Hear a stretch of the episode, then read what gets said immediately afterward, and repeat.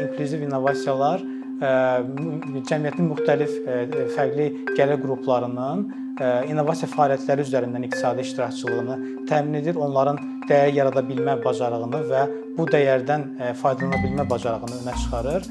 Bu da təbii ki, inklüziv innovasiyaların indiki dövrdə əhəmiyyətini xüsusilə artırır və bunu başqa bir ifadə ilə bunu mən belə izah edə bilərəm ki, inklüziv innovasiyalar həm də cəmiyyətdə mövcud olan fərqli niyyətlərin, fərqli fikirlərin iştirakçılığını təmin edir.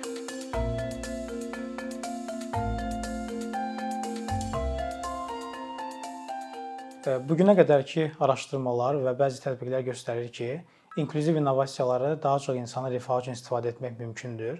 Yəni innovasiyalar əslində yalnız bir qrupun deyil, daha çox insanların rifahı üçün istifadə oluna bilər. Amma burada bir sual yaranır ki, necə? Bu necə nə cür yarana bilər? Təbii ki, bu sualı cavablandırmaq üçün əvvəlcə inklüziv inkişaf anlayışına və innovasiya anlayışına ayrı-ayrılıqda baxmaq lazımdır. Onları təbiətini təhlil etmək lazımdır. Qısaca onu deyim ki, inklüziv inkişaf iqtisadi və sosial olaraq kənarda qalmış qrupların, fərqli gəlir qruplarının innovasiya fəaliyyətləri üzərindən və ümumiyyətlə iqtisadi fəaliyyətlər üzərindən iştirakçılığını təmin edir.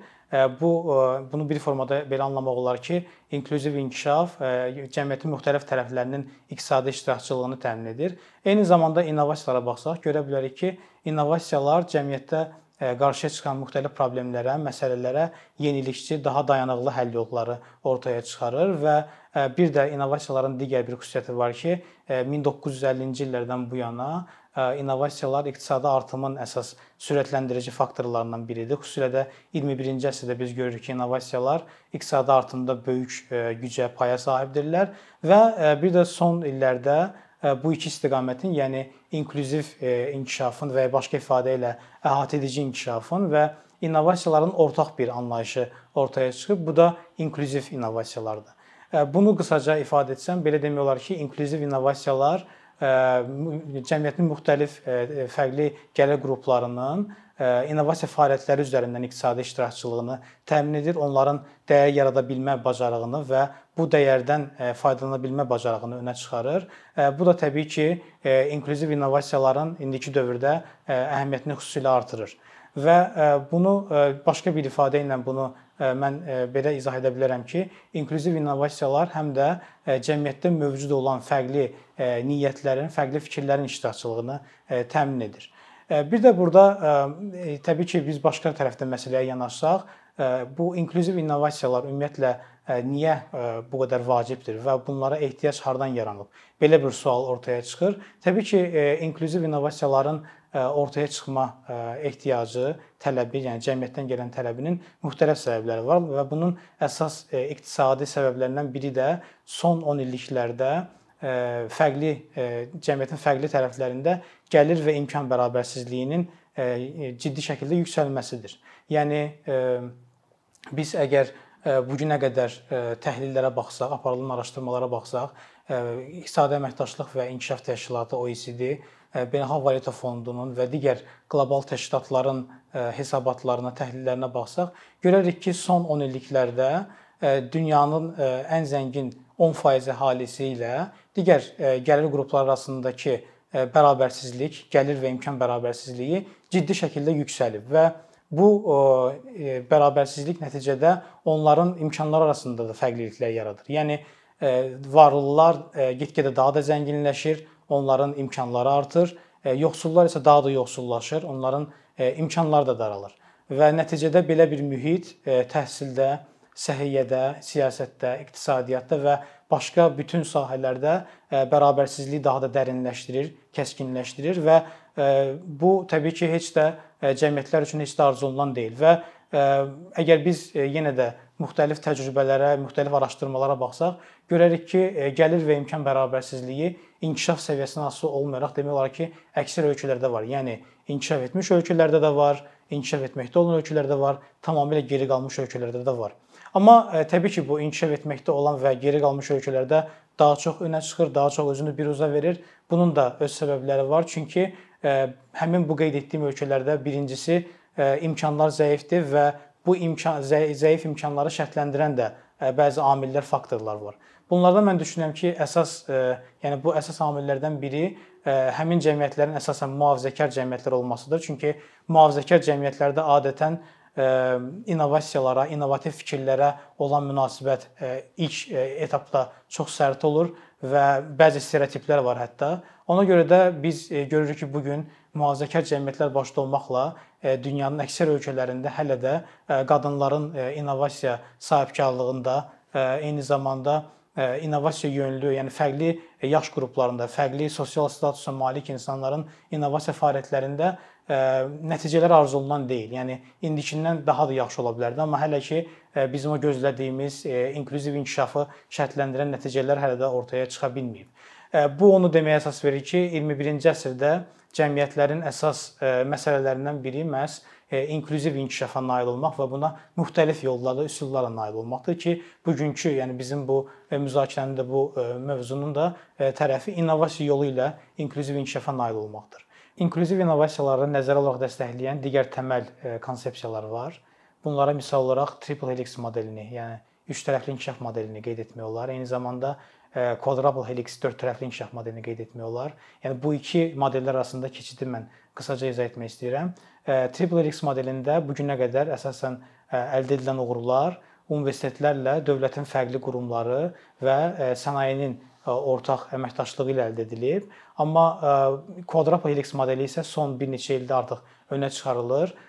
Bu modeldə əlavə bir tərəf var, vətəndaş cəmiyyətləri. Çünki vətəndaş cəmiyyətlərinin 21-ci əsrdə xüsusilə də innovasiya fəaliyyətlərindəki təsirləri, mümkün rolu qabardılır və bu baxımdan da bax bu qeyd etdiyimiz yeni inkişaf modelinə, innovasiya modelinə daxil edilib. Bununla yanaşı mən eyni zamanda son 5 ildə dünyada qlobal iqtisadiyyatda önə çıxan 4-cü sənaye inqilabı və başqa ifadə ilə sənaye 4.0-ı qeyd etmək istəyirəm. Bir də sənaye 4.0-dan e, sənaye 5.0-a bir keçid var. E, məsələn bu ilin əvvəlində 2021-ci ilin əvvəlində Avropa Birliyi yeni bir niyyət sənədi ortaya qoyub 5-ci e, nəsil sənaye ilə bağlı. Bu sənaye inqilabının konseptinin də əsas kontrolları insan rifahıdır. Yəni insanı mərkəzdə saxlayıb bir inkişaf modeli təqdim etməyə çalışır.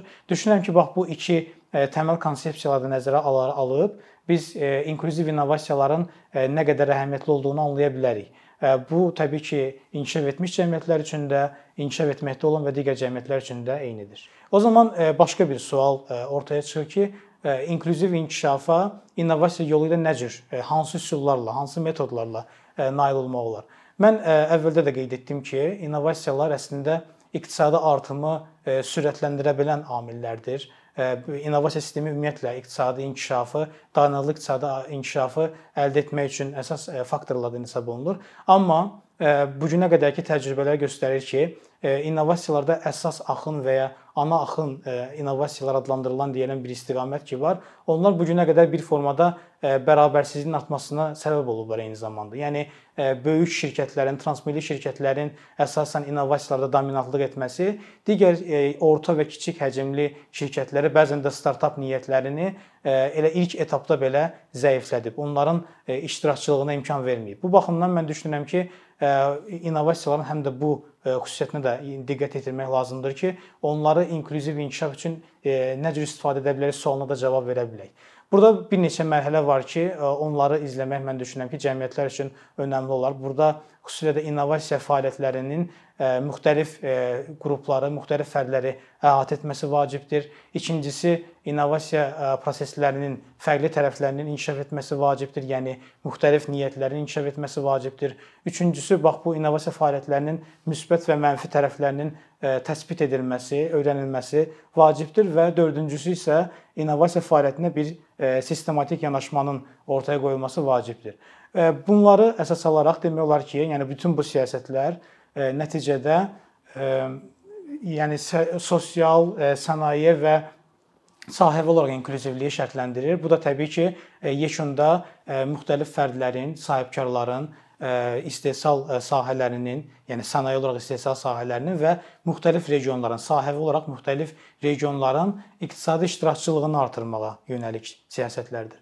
Bu baxımdan düşünürəm ki, biz bir də əsas axın innovasiya modellərindən kök innovasiya modellərinə də keçidi qısaca təhlil edə bilərik. Çünki mən bayaq da qeyd etdim ki, əsas axın innovasiya modelləri bəzən bərabərsizliyi sürətləndirə bilirlər. Amma kök innovasiya modelləri isə yerlərdə olan o e, sadə innovasiya niyyətlərinin, fikirlərinin e, məhsula çevrilməsi və bazarda rəqabətdə iştirak etməsinə e, gətirib çıxara bilər. Bu baxımdan düşünürəm ki, startapların belə deyək ki, indi fərqli innovasiya niyyətlərinin həm bazarda iştirakçılığı, həm də onların rəqabətdə dayanıqlı ola bilməsi üçün fərqli siyasətlər, xüsusilə də başlanğıc kapitalının təmin edilməsi, maliyyə inklüzivliyinin təmin edilməsi, digər infrastruktur imkanlarının bərabər imkanlı və ədalətli olması bu baxımdan düşünürəm ki, əhəmiyyətlidir və bu siyasətlərin əslində çərçivəsini təşkil edir. Amma yekun olaraq onu mən qeyd edə bilərəm ki, inklüziv innovasiya keçid siyasətləri əsasən həmin o siyasət çərçivələrinin nə qədər əhatəedici olmasından asılıdır. Yəni onun dərəcəsindən asılıdır. Bu istiqamətdə mən Azərbaycanla bağlı bir neçə fikrimi bölüşmək istəyirəm. Təbii ki, Azərbaycan kiçik və inkişaf etməkdə bir inkişaf etməkdə olan bir ölkə kimi əslində orta və uzun müddətdə dayanıqlı iqtisadi inkişafı hədəfləməli olan bir ölkədir və təbii ki, dayanıqlı iqtisadi inkişafda əsasən innovasiyaların iştirakçılığı ilə təmin oluna bilər. Azərbaycanın öncə burada inklüziv inkişaf və innovasiya baxımından öz siyasət hədəflərini, xüsusilə də orta və uzun müddətdə siyasət hədəflərini dəqiq müəyyən etməsi vacibdir.